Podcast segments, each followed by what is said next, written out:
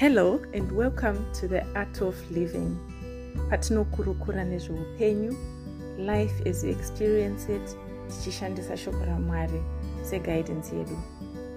Here we discuss all sorts of things, how we can experience God as a loving Father, how we should walk in forgiveness, nokukurudzirana to live a purpose-driven life. Kazhinji chauri kutsvaga hachisi kure newe, chakavigwa mukati mako iwewe.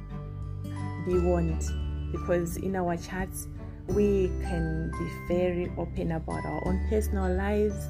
Eh, asi zvikakurudzira even one person aiwa mwari ngavakudzwe.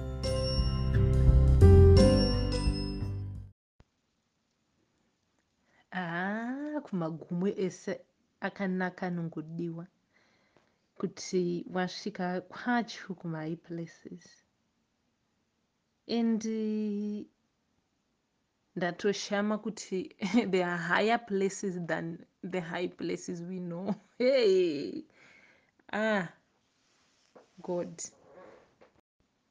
So sisi grace and glory stayed several weeks vari pahigh places exploring learning reflecting but hanzi as much as they were able to understand at that time. Meaning kuti pa each stage you understand only what you can absorb. Bcause zvakawandisa iye akasvika pakutozopota achineta a achifepa takati even the hands fit they need rest they tire. Yes but as much as they were able to understand panguva iyoyo asi ndiri kuti ye kutozonza kuti the other high places. E ndati aiwa zvekuhighest ukoko im not worried because panguva iyoyo yandiri. Kana ndatombotsika tsoka dzangu pahigh places ish! Mwari zvinenge zvatiitira zvakanaka and uh, she was really enjoying viewing ari pamusoro. I can imagine kuti wasvika kumahigh places zvaunenge uchiona pasi apo unenge uchingoti ho apo ho apo aho apo. Bcause ari pamusoro ka anotionei une imwe point of view yako yakatosiyana nevamwe. Ha ah this is wonderful and everything changed. You know the way you see things it depends on the power. The way you manage things it depends nepaukwamira ah mm -mm.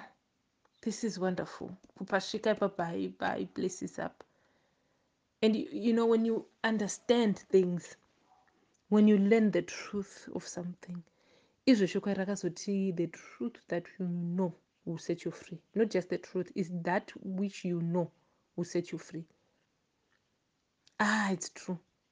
Asi pazonotira zvakanaka anzi began to understand quite clearly that truth cannot be understood from books alone or by any written words but only by personal growth and development in understanding.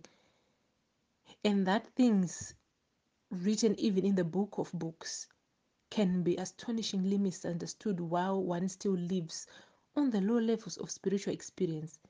And on the wrong side of the grave of the mountains. Uh, it's painful if you don't, if you misunderstand. It's so painful because you cling on to the wrong things you cling on to the wrong doctrine you cling on to the wrong information. So personal growth personal development in understanding things written in the book of books. It's great. Apa tiri kutoita personal development because e, e, takatobva muisi vamwe tasingaverenga mabhuku makaita yani mybak akazara mufoni akazara malaptop. I've got books and books and i've got whatsapp groups dzinoshaya mabooks but kwaverenga it's another thing. So thank you neministry iyoyi mufunge ka kana kudenga kukapupurwa aiwa ndichapupura kuti makaita zvenyu. Asikana vese mimi muri mugrupu iri thank you for being part of this. Zvandibatsira kukwanisa kuverenga kugara pasi chiverenga bhuku inini? Ah, munana munana chaivo chaivo so thank you very much. Nekuti kunzwisisa kuye kwakuuya kwakuuya ipersonal ka development. Hani muzviona? Itori personary personal growth personal development. Thank you ladies. Thank you ah when you come to the level where you just praying like Macha Fred was sorry she's changed the name now. Ah grace and glory panga kuti ah help me to fuller understanding. You, you, we just need our eyes to be opened. Even proverbs akatarakati in all thy getting get understanding. Understanding is great don't misunderstand things but we need to understand the perspective yeah king. Ari kudei king and we understand and we are happy and we do it.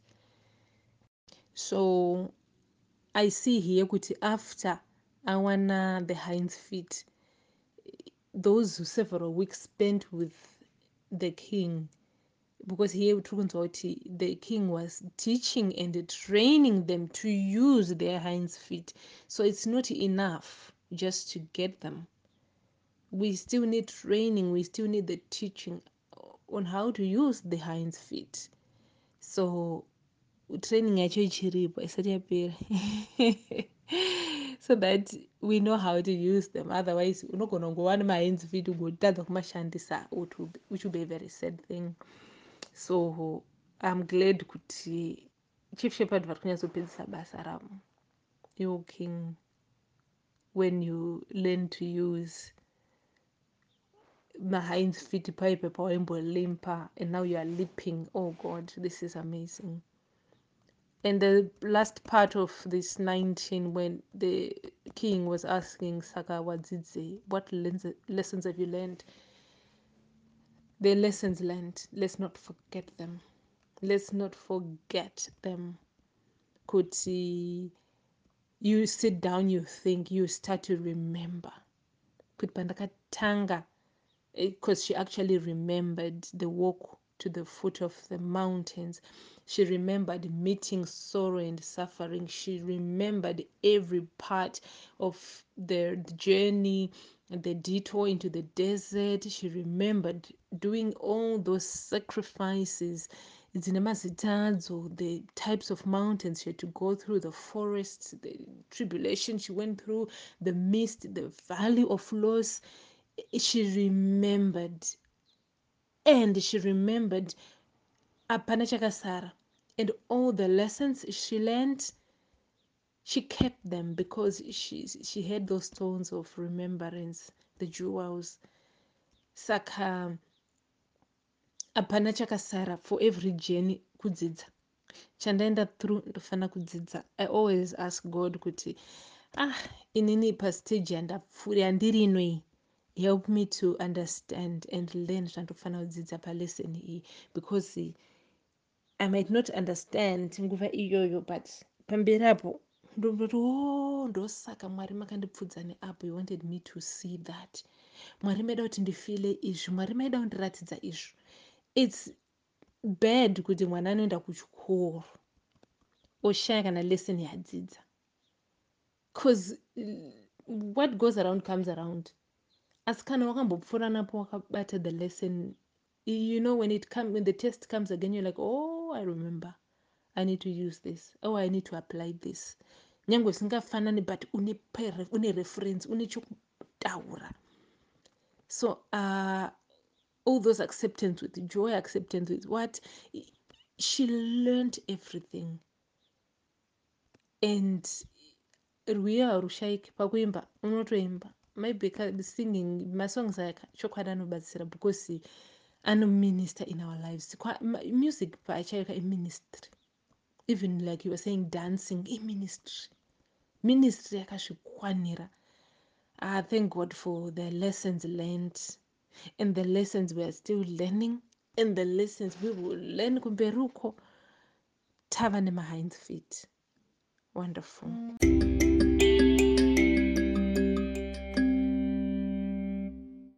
And then we get to the high places. We see kuti uh, mahigh places hanzi akasiyana siyana akawanda. Isu yatani tichingoenda ikai is to develop hines feet. Hanzi kune mamwe mahigh places tapa chapter 19 now. E, anoendwa nevapedza upenyu. Saka we should understand that kuti izvi hazvizi zvekuenda chi? Its not high, high places dzekuenda kudenga aiwa. These are just the high places dzekuti chi?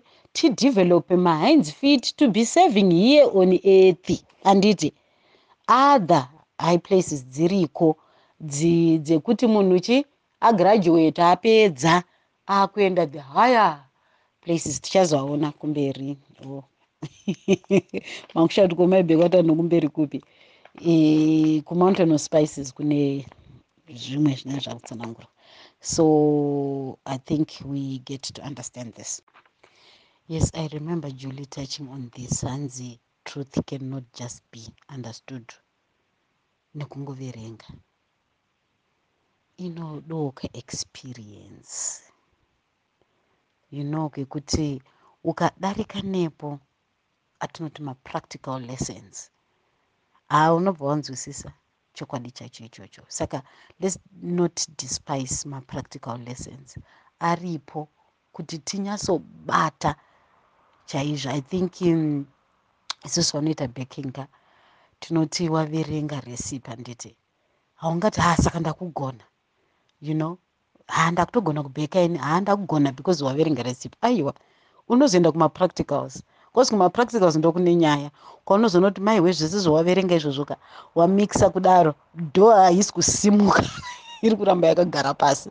Ndopanosha ah, what did i do wrong? Saka kupasa ka ndokunge hongu wanzwisisa ka pawaverenga asi wapinda mapracticals ukanyatsonoita zvinofanira kuitwa zvikabuda then you can say ii ndaipasa saka let's not just rely kuti ha no ndibhoo because ndakaverenga nezvazvo. Let's also do the practicals. I think taakudzokorodzazve nyaya yedu yeiye yekuti mahines fit acho anodevelopwa sei? So we see kuti masituations aya atinoti zviwira vanhu. Ndo acho anotisimbisa you know pandanichiverenga ndanichifungisisa you know like when i started zvejogging how i used to struggle. No unomhanya ka ufunga kuti waane asima waakutadza kunyatsokufema you know you be gasping for air. You know apa hauna kana wangoita one kilometer ende kazhinji yacho yanga iri fambrani futi. Yekuti wafamba famba unondi manye manye wafamba manye manye wafamba you know. But unosvika wakuita kufemera padenga kunge hana ichatsemuka you know pachesti pachipisa. But as i carried on ndichiita ndichitotonakuti ah zvanani ndakutombokwanisa kudai ndakukwanisa kudai in the physical ndo zvazvinoita so that ndo zvazvinoitawo even in the spiritual kuti patinopinda nemasituation aya iyi ningi ndo pane pachitodevelopa mahines feet achidevelopa achidevelopa but vanhu vazhinji havade havade. They want smooth sailing. Smooth sailing. One mumwe akazotaura kuti even the bed of roses kana pane maroses there's always a thorn hapana karosi isina thorn saka whatever it is guys you know it's like we just have to accept to accept kuziva kuti for hinds fit to develop there should be situations dziri trying and zvinotibatsira izvozvo. Kunzwisa ipapo and tisatombozeza kuti ha manje hei and also panga pachitaurwa nyaya uh, like when i look at it uh, those uh, two, two things zvangaita like zvakadzidza okay let me cut this. Uh, things like acceptance with joy. Inini i see it as dying to self. Because the self ndiye asingaaccept self ndiane shoko riya randakambotsiura. Kare kare kuti handidi kujairirwa handidi kujairirwa. Self ndianotaura izvozvo haatodi kujairirwa. Saka for you to accept with joy you know his accept with happy. Joy comes from within. Anditi to accept with joy ka you need to be dead to self because as long as self is alive and kicking yes self will kick and scream while least you are doing hapana joy ipapo will be kicking and screaming achiita zvinhu zvacho izvozvo. So i think dying to self uh, is inevitable. And also bearing the costs which i call forgiving we just have to we just have to. You know like um uh, i remember uh, i think it's bishop garlington on one of the jabula conferences achidzidzisa nyaya yekuti uchingomuka makuseni ka just practice two things i'm sorry and i forgive. Just practice and just get them out of the way you know. Ingobva wangoaisa kuti for the whole day you know i'm sorry and i forgive because you are going to need them. Like i forgive you just have to keep bearing the cost. So i think izvozvo dying to self which is acceptance with joy and ningi bearing the cost which is forgiving. Iwayo totofamba nawo ndofunga ndo akutobata maoko edu. As we walk every day because without doing that hapana kwatinosvika. You know ndo malessons atadzidza kunyanya on this journey. Aripo mamwe like for me iwayo ndowandanyanyisa kudzidza kuti ndizive kuti uh, i have to do it that way. And also kuziva kuti mwari doesn't see me the way that i look today. He sees the finished product. And i wish i could be able to see myself as a finished product because kazhinji we disqualify ourselves so much because you look at yourself inini chaiye ah ndisiyei aiwa ah you just disqualify yourself. I remember um lili uh, the way she puts it across kuti unonzwa munhu hakuna mata kuti ini zvangu ini ndakazodai ndakada shuwa mwari handikodzeri yei yei yei chichi and saying all those things tinongoona kusakodzera kwedu. Pasina kana kwatatamboenda tatozjaja kudhara isusu we disqualify ourselves. So its the thing iyoyo kuti i hope takaibatawo lesson iyoyi in this journey kuti achiri much afraid the shepherd was already seeing her as the queen atove nemahinds feet. Saka this is the, way that we should also start to see ourselves. Yeah you are so right maibeka kuti we should not be in the business of disqualifying ourselves. Tisatombobhlame kana vamwe vanhu kuti haa vanogona kuti vanotitarisira pasi isu pachedu kungonzwa kuda kungoti hatina um, kukodzera. Haiwa hainiwo zvangu. Force humility. We shouldn't do that. Let's walk with our heads held high as the princesses as the queens that god sees us. How god we need to understand how our father sees us? And then let's walk zviri worthy of that. Kuti unyange ndisiri kuzviona nemaziso enyama yet but kuzvibhilivha kuti ndozvandiri zvinoita kuti tingochinja how we actually perceive ourselves. We thank you very much for that yes.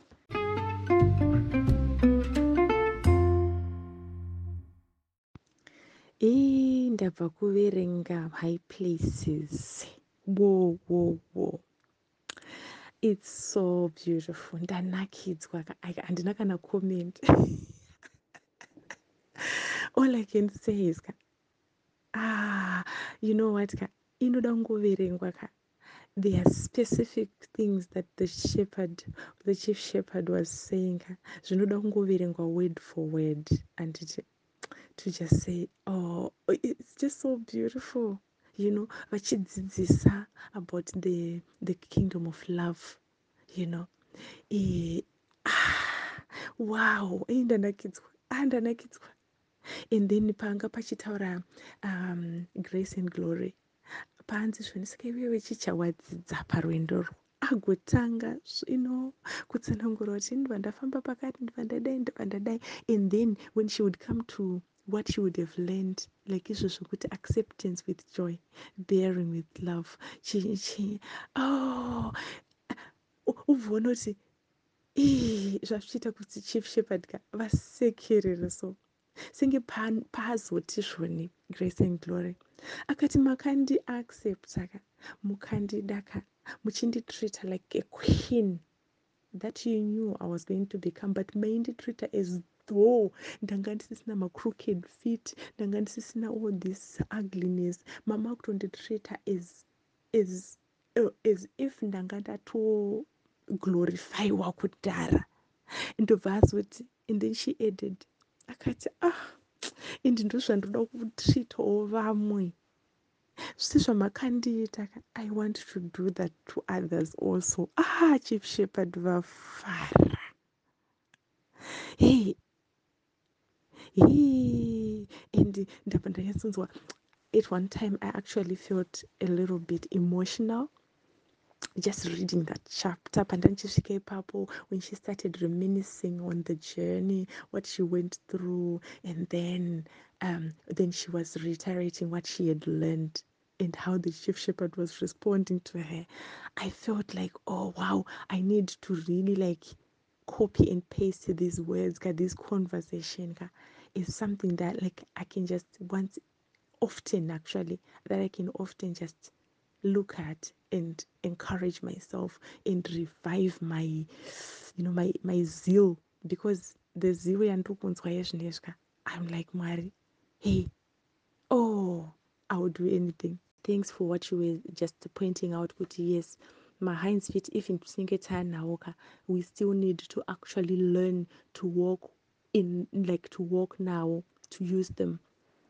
We still need that you know kuti tidzidziswe titombofamba navo vachiti tisapaparike in other words um, but tite get used to walk with them and to walk right to walk well with them. Because unogona nguva nemahinsfit ka but tozogonawo kungoita zvimwe zvinosina basa nemahinsfit iwayo. Saka you know paidzidziswa to walk with them to, to her limitations idzodzo. Ah unotoona kutoti okay okay hazvisi zvokubva wangoti from zero to one hundred no vanoramba vachitipa grace dzakakwanira nenguva iyoyo. And um, nelike izvo zvawapointa out zvekuti tinorefilirwa zvatine capacity to grasp.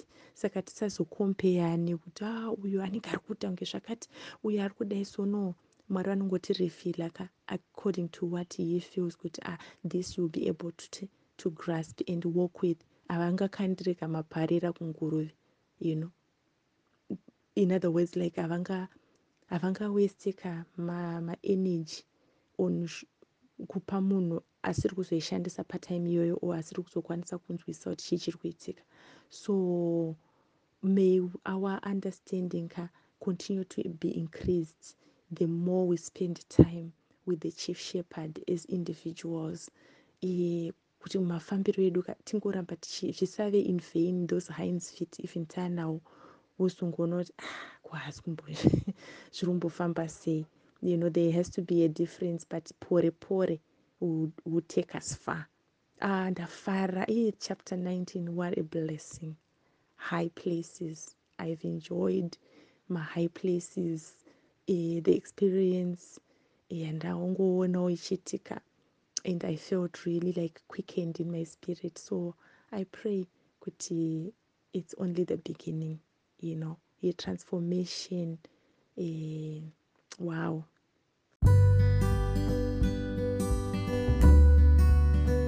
Thank you for listening. We have come to the end of this episode. If you have any questions relating to what's been discussed, or you just want to share your own experiences, please email us on the art of living zim at gmail.com. The Art of Living Zim at gmail.com. And please don't forget to share this podcast with others if you're finding it helpful or interesting. Hope to hear from you soon. See you in the next episode.